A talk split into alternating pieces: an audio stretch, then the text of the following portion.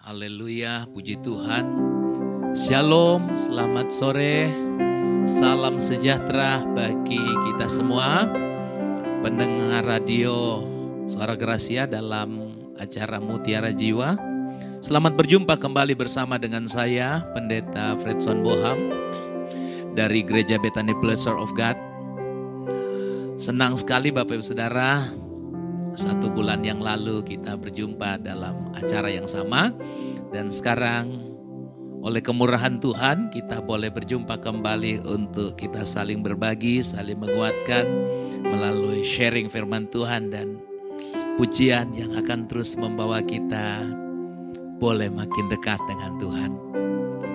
Untuk itu Bapak Ibu Saudara sebelum saya masuk dalam renungan dan pujian lagu-lagu pujian kepada Tuhan, saya mau mengajak kita semua untuk bersatu dalam doa. Mari kita doa. Maha besar engkau Elohim Yahweh Allah Bapa kami yang kami sembah di dalam putramu yang kudus. Tuhan kami Yesus Kristus. Di sore hari yang indah ini kami sangat bersyukur dan bersuka cita Tuhan. Oleh kemurahanmu, kasihmu, kami boleh ada sebagaimana ada. Dan kami boleh diperkenankan Tuhan untuk sharing firman Tuhan melalui acara Mutiara Jiwa sore hari ini. Terima kasih banyak Bapak, kami mohon pengurapanmu, kuasamu, hikmat, wahyu dari sorga turun atas kami. Supaya baik hamba yang memberitakan maupun saudara-saudara hamba yang mendengarkan siaran ini, kami sama-sama diberkati. Urapi kami semua Tuhan dan bungkus kami dengan darahmu. Biarlah Segala pujian dan hormat, capan syukur, kemuliaan bagi engkau di tempat yang maha tinggi. Kami siap Bapa dalam nama Tuhan Yesus Kristus. Haleluya. Amin. Baik saudaraku, sebelum saya menyampaikan renungan firman Tuhan sore hari ini, saya mau menaikkan satu pujian karena pujian ini ada kaitannya dengan apa yang akan saya sampaikan yaitu tentang pengharapan di dalam Kristus Yesus. Ya, jadi akan menaikkan satu pujian tentang pengharapan hanya di dalam Tuhan Yesus Kristus. Sore ini saya didampingi oleh rekan saya, ya, Saudara Andre akan mengiringi saya dalam main keyboard. Silakan. Pengharapanku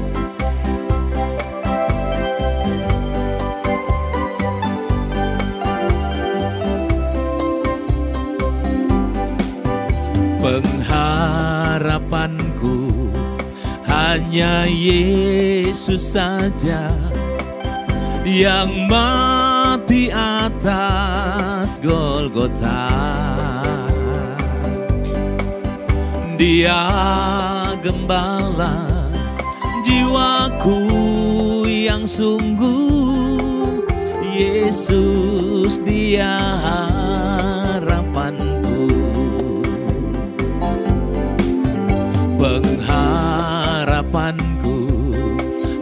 hanya Yesus saja yang mati atas Golgota.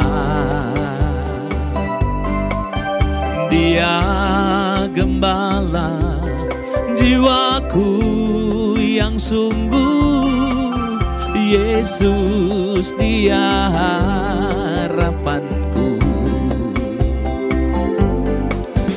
Yesus harapan jiwaku. Oh, Yesus pelepas dosaku.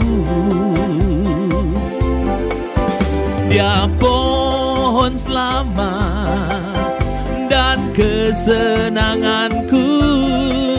Yesus dia harapanku Yesus harapan jiwaku. Yesus pelepas dosaku. Dia pohon selamat dan kesenanganku. Yesus dia harapan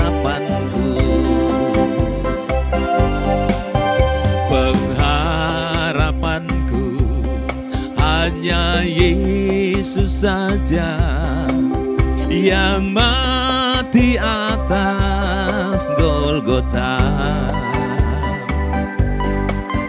Dia gembala jiwaku yang sungguh Yesus dia harapanku Yesus harapan jiwaku. Yesus pelepas dosaku. Dia pohon selamat dan kesenanganku. Yesus dia harapanku. Yesus harapan jiwaku. Yesus pelepas dosaku. Dia pohon selamat dan kesenanganku. Yesus dia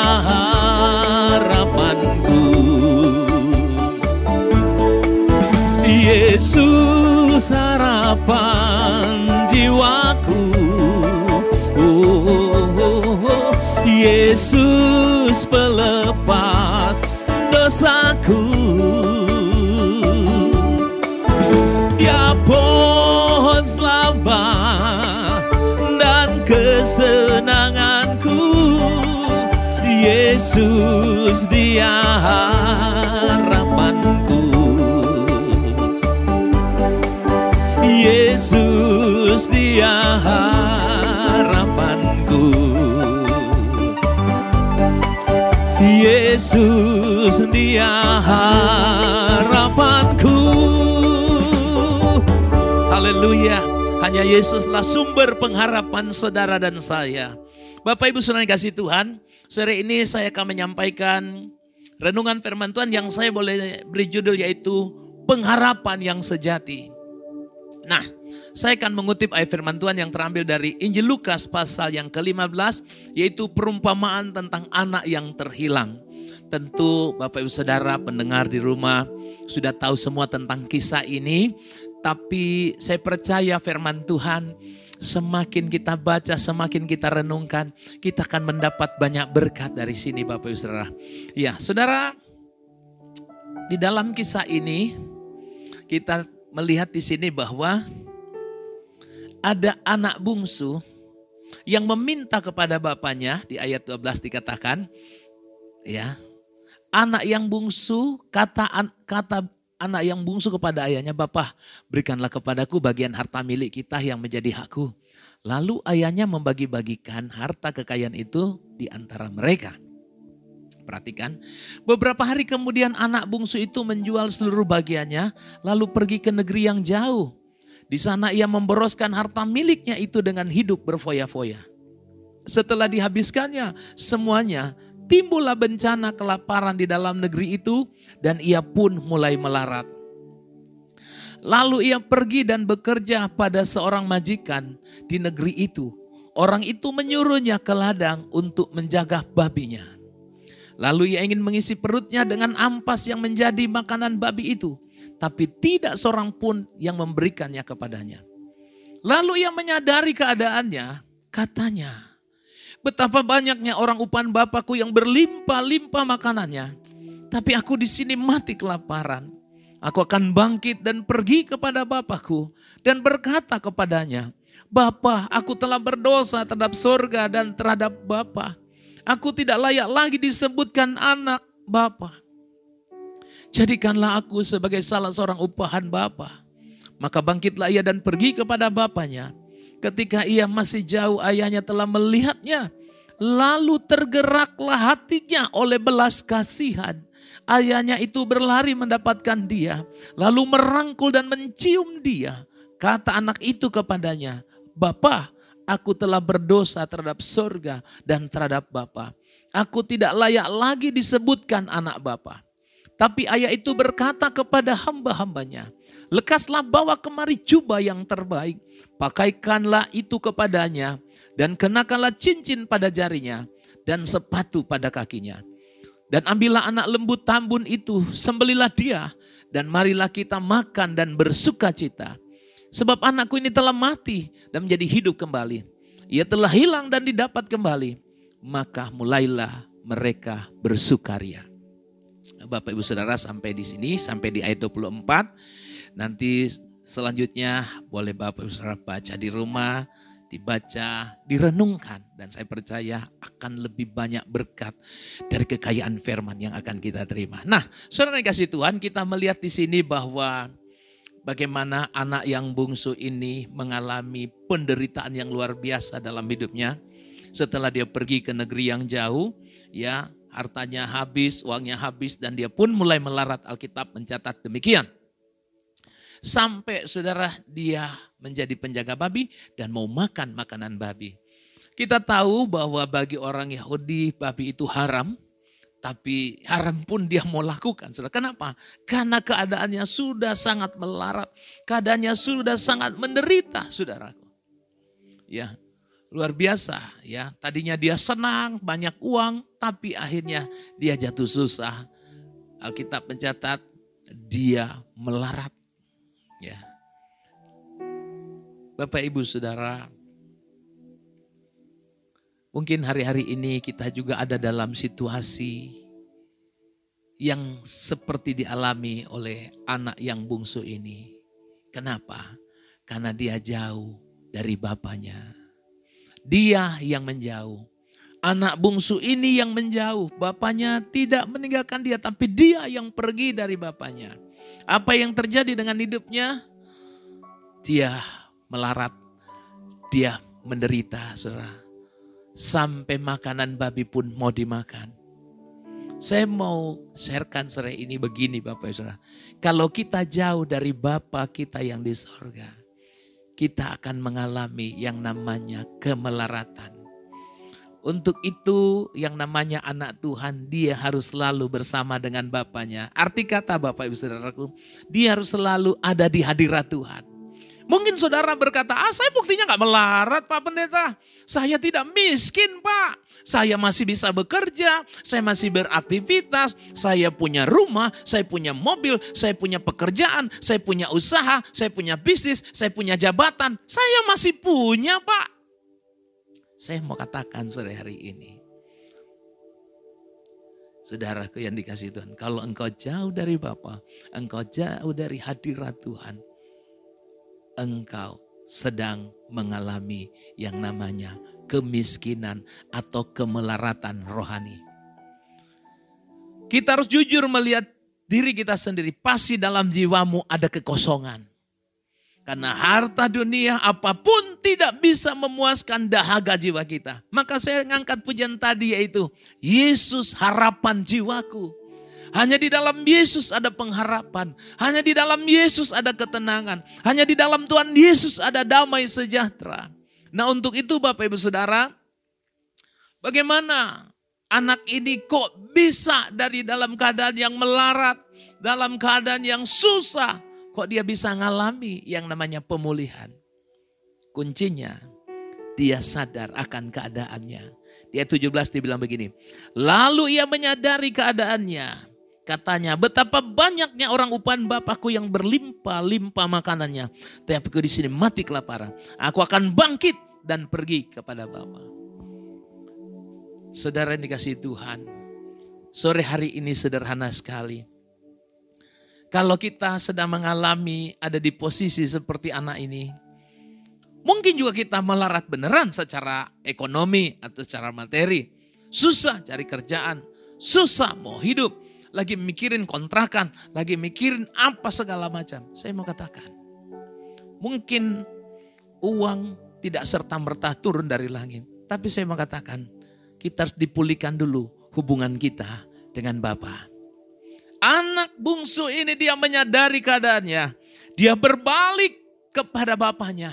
Dia kembali kepada bapaknya. Memang Bapak Ibu kalau kita jauh dari Bapak, ya tidak enak. Tidak enak.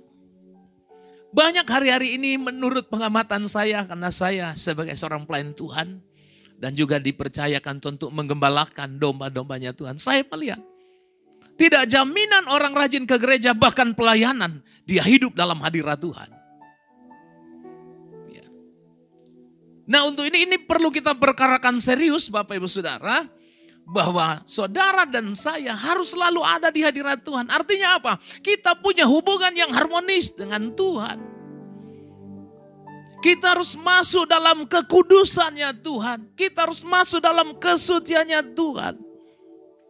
Di situ kita akan mulai dibawa hidup bersama dengan dia di dalam hadiratnya. Nah untuk itu saudaraku kuncinya bagaimana Pak?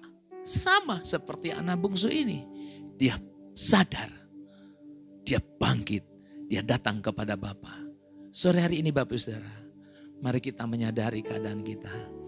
Mungkin selama ini kita masih punya aktivitas di gereja, bahkan pelayanan. Bahkan mungkin dipercaya seperti saya melayani pekerjaan Tuhan sepenuh waktu, bahkan mengembalakan. Saya merasakan saudaraku, saya jujur di depan saudara yang mendengar radio siaran Mutiara Jiwa ini saudara. Tahun-tahun yang lalu saya juga sempat terhilang. Masa sih Pak, Bapak kan pendeta? Terhilang saudara. Terhilang. Saya tidak sadar bahwa saya sudah tidak lagi hidup dalam hadirat Tuhan. Padahal saya masih khotbah, pimpin pujian, bisa pimpin doa. Tapi saya tidak maksimal di dalam hadirat Tuhan. Maka saya katakan tahun ini saya harus bangkit, berharap dan berkemenangan.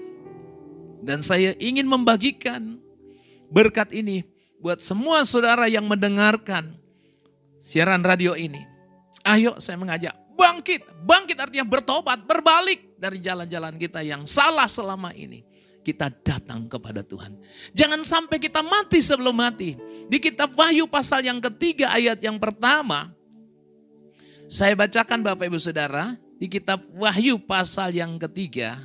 Alkitab bilang begini. Inilah firman dia yang memiliki ketujuh roh Allah dan ketujuh bintang itu. Aku tahu segala pekerjaanmu. Engkau dikatakan hidup padahal engkau sudah mati. Waduh saudara, ini mengerikan. Kita kelihatannya hidup tapi kita sudah mati. Tidak ada lagi hubungan intim dengan Tuhan.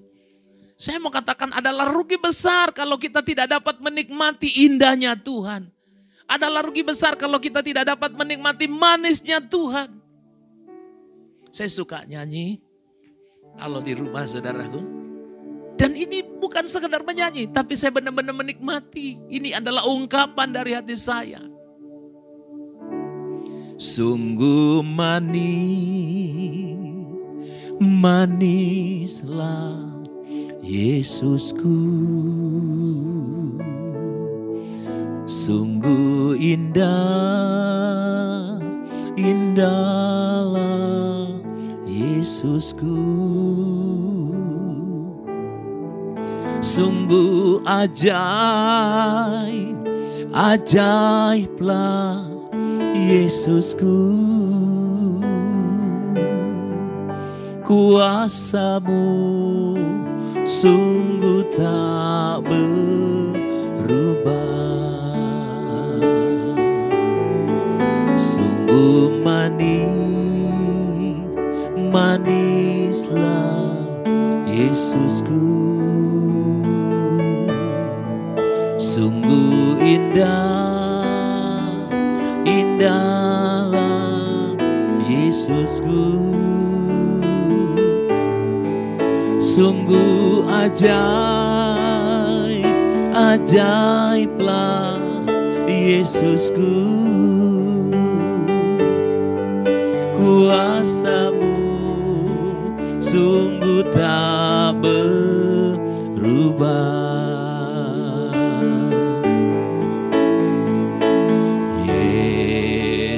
yang termanis buat jiwaku, buat jiwaku, buat jiwaku. Yesus yang termanis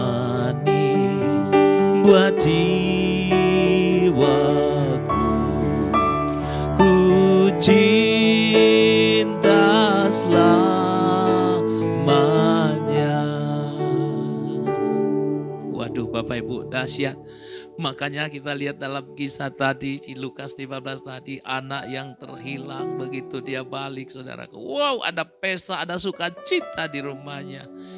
Bapak Ibu, kenapa hari-hari ini banyak orang yang mengaku percaya kepada Tuhan Yesus, mengaku anak Tuhan, tapi hidupnya tidak ada damai. Kenapa? Karena mau berusaha mencari damai dari dunia ini. Damai yang semu. Dulu saya ingat ada lagu anak sekolah minggu, saudaraku. Ya. Ya sudah lama dengan lagu ini. Ke gunung tinggi ku naik naik naik mencari damai.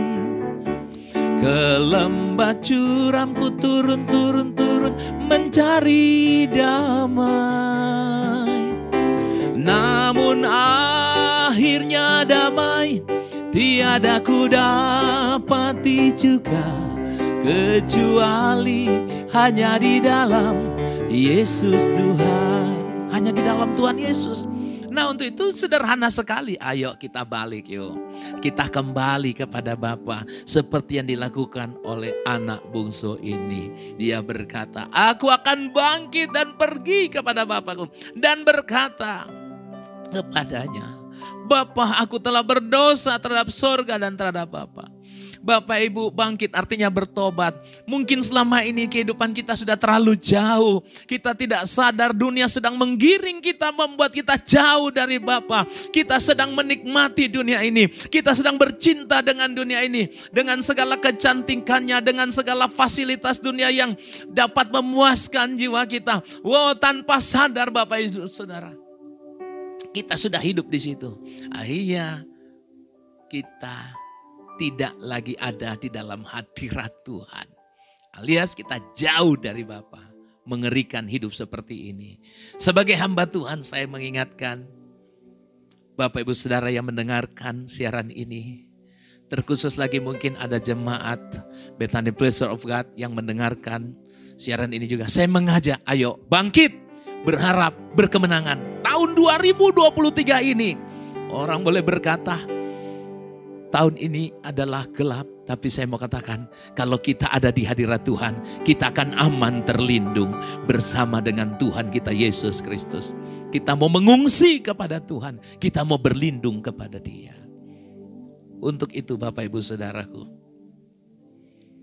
saya mengajak, ayo bangkit, bertobat, datang kepada Tuhan. Masih ada harapan dan harapan kita harapan yang pasti. Kalau di dunia udah percaya aja sama gua, lu percaya pasti bisa. Tidak. Banyak manusia memberikan janji-janji tapi tidak menepati janjinya. Akhirnya apa? Yang kita dapatkan hanya kekecewaan.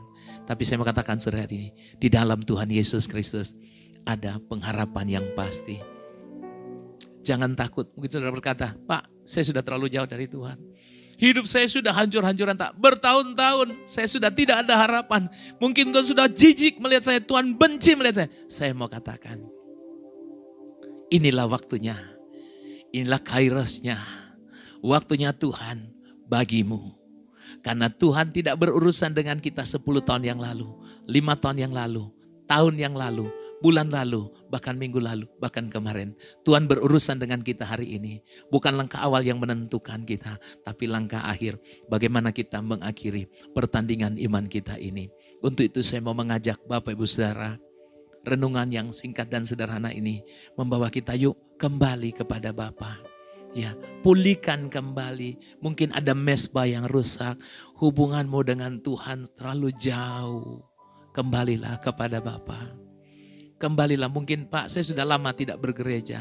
Datanglah ke gereja di mana dulu engkau pernah dibimbing di sana. Engkau pernah dituntun di sana untuk mengenal Tuhan dan mengalami Tuhan lebih dalam lagi. Datanglah ke tempat itu Bapak Ibu Saudara. Saya percaya tangan Tuhan masih setia menunggu sampai hari ini. Karena Tuhan Yesus berkata begini di Matius 11, Marilah kepadaku semua yang letih lesu dan yang berbeban berat. Aku akan memberikan kelegaan kepadamu. Akan ada kelegaan kalau kita mau datang kepada Tuhan. Karena dialah sumber kelegaan. Akan ada pemulihan kalau kita datang berbalik kepada Tuhan. Karena dialah sumber untuk memulihkan kita. Dialah sumber berkat dalam hidup saudara dan saya. Kuncinya kalau mau dipulihkan ya harus kembali kepada Bapak Sebab kalau kita jauh dari Bapa, kita akan binasa. Binasa artinya kita tidak terhubung lagi dengan Bapa. Tapi saya mau katakan sore ini, tangan Bapa di sorga masih terulur bagimu dan bagiku. Artinya ada harapan yang pasti dari sorga untuk kita datang kepada Tuhan. Ayo kembali kepada Tuhan. Datang kepada Tuhan, saudaraku. Saya mau mengajak seperti apa yang dilakukan oleh anak yang busuk ini. Dia sadar. Ayo. Kita sadar yuk keadaan kita ini jauh saudaraku. Jangan lihat setan akan menipu kita. Ah, enggak buktinya kamu baik-baik aja. Kok apa sih yang salah? Ada-ada aja nih pendeta macam-macam aja. Bapak Ibu tolong lihat sampai ke dalam hatimu yang paling dalam. Jujurlah melihat diri ada sesuatu yang hampa kalau kita tidak terkonek dengan Tuhan. Puji Tuhan kalau Bapak sudah sudah baik Pak, maaf saya sudah baik kok. Hubungan saya dengan Tuhan baik Pak. Kami hari-hari ini sedang menikmati sukacita dan amin puji Tuhan haleluya. Kita sepakat di dalam Tuhan mau maju bersama. Kita sama-sama yuk berjalan menuju ke kanaan sorgawi. Kita sama-sama yuk berjalan menuju ke langit baru dan bumi yang baru. Di mana Tuhan ada di sana menunggu saudara dan saya. Alkitab berkata, aku pergi ke rumah Bapa untuk menyediakan tempat bagimu. Supaya di mana aku berada, kamu pun berada di tempat itu. Untuk itu saudaraku, mari. Jangan lihat keadaanmu dan menghakimi diri sendiri berkata, Pak aku udah gak layak, aku gak pantas lagi. Tidak, saya mengatakan kasih Tuhan sangat besar pengampunannya sangat besar untuk mengampuni, untuk memulihkan keadaanmu. Ayo bangkit sore ini bersama-sama dengan saya. Kita sama-sama mau bangkit. Saya juga mau bangkit di tahun ini saudara. Saya tidak mau menengok ke belakang, tapi saya memandang ke depan di mana fokusku hanya melihat Tuhan Yesus Kristus yang sedang menunggu kita di sana. Dan dia berkata, ayo nak, aku ada di sini sedang menunggu engkau. Ayo datang kepada Tuhan. Di tengah ombak dan arus pencobaan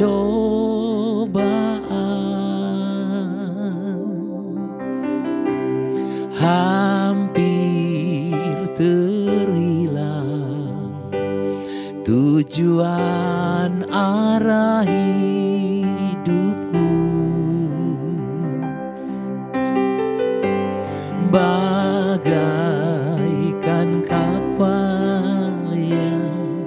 selalu diombang-ambingkan. Mengharap kasihnya seolah-olah tiada mampu. Yesus ber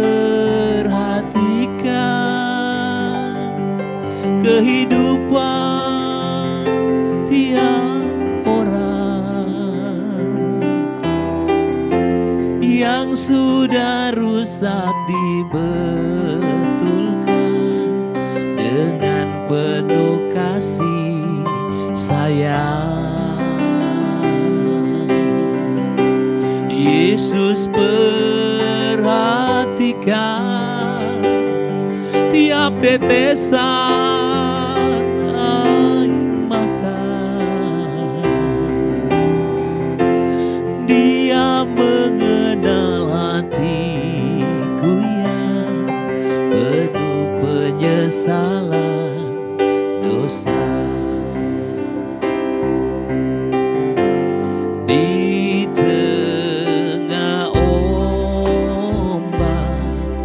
dan arus pencobaan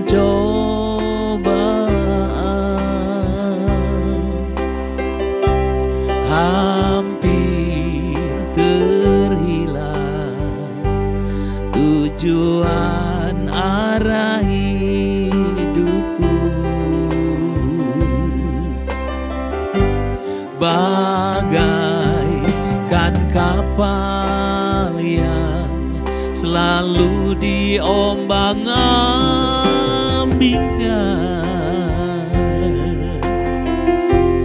mengharap kasihnya seolah-olah tiada mampu.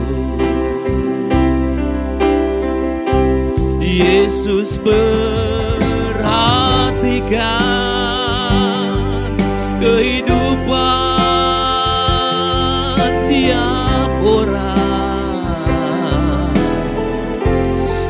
sudah rusak dibetulkan. Dengan penuh kasih sayang. Yesus perhatikan tiap tetesan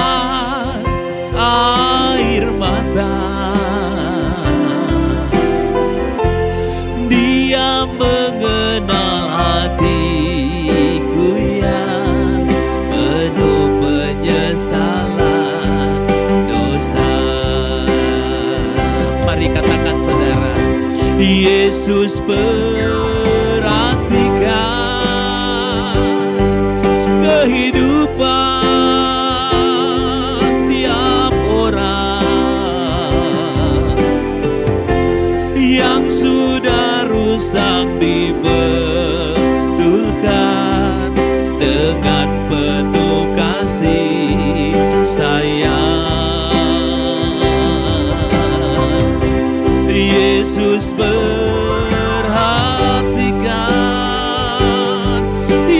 tiap tetesan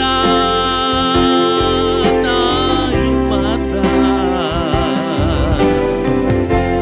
Dia mengenal hatimu yang penuh penyesalan. Mari saudara yang di rumah sama-sama saya katakan dengan imanmu Yesus perhatikan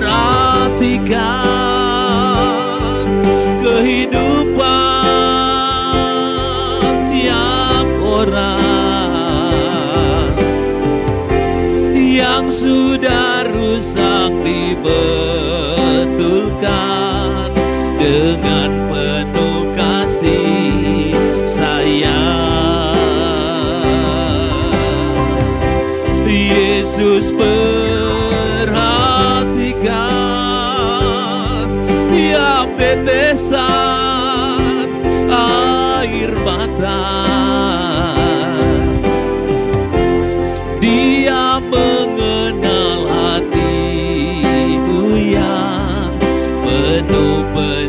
penyesalan dosa.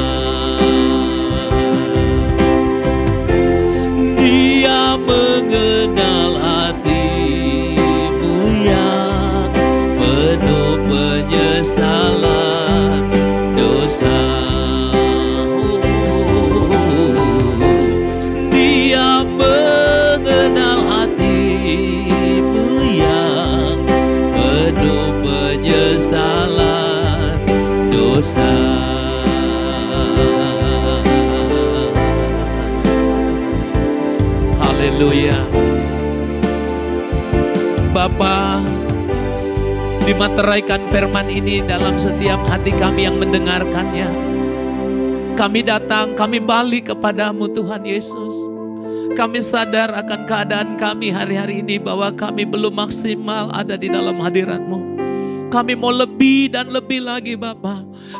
Karena kami tahu di dalam hadirat Tuhan adalah tempat yang paling indah. Di dalam hadirat Tuhan ada sumber kehidupan. Ada berkat, sukacita, damai sejahtera, pertolongan, pembelaan, pemulihan daripada Tuhan terjadi. Untuk itu kami datang Tuhan, ini kami. Kami mau bangkit, kami mau bertobat, kami mau berbalik dari jalan-jalan kami yang jahat selama ini. Dan kami percaya kami punya Bapa yang baik.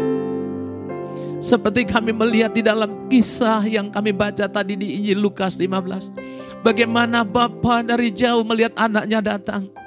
Dia berlari, dia memeluk anak itu. Kami percaya sore ini Tuhan Engkau menyambut kami. Dan ada pesta di surga. Di mana para malaikatmu bersuka cita juga bersorak-sorak. Karena ada anak-anak Bapa yang selama ini jauh dan sekarang mendekat kepadamu. Dalam nama Yesus Tuhan, ini kami.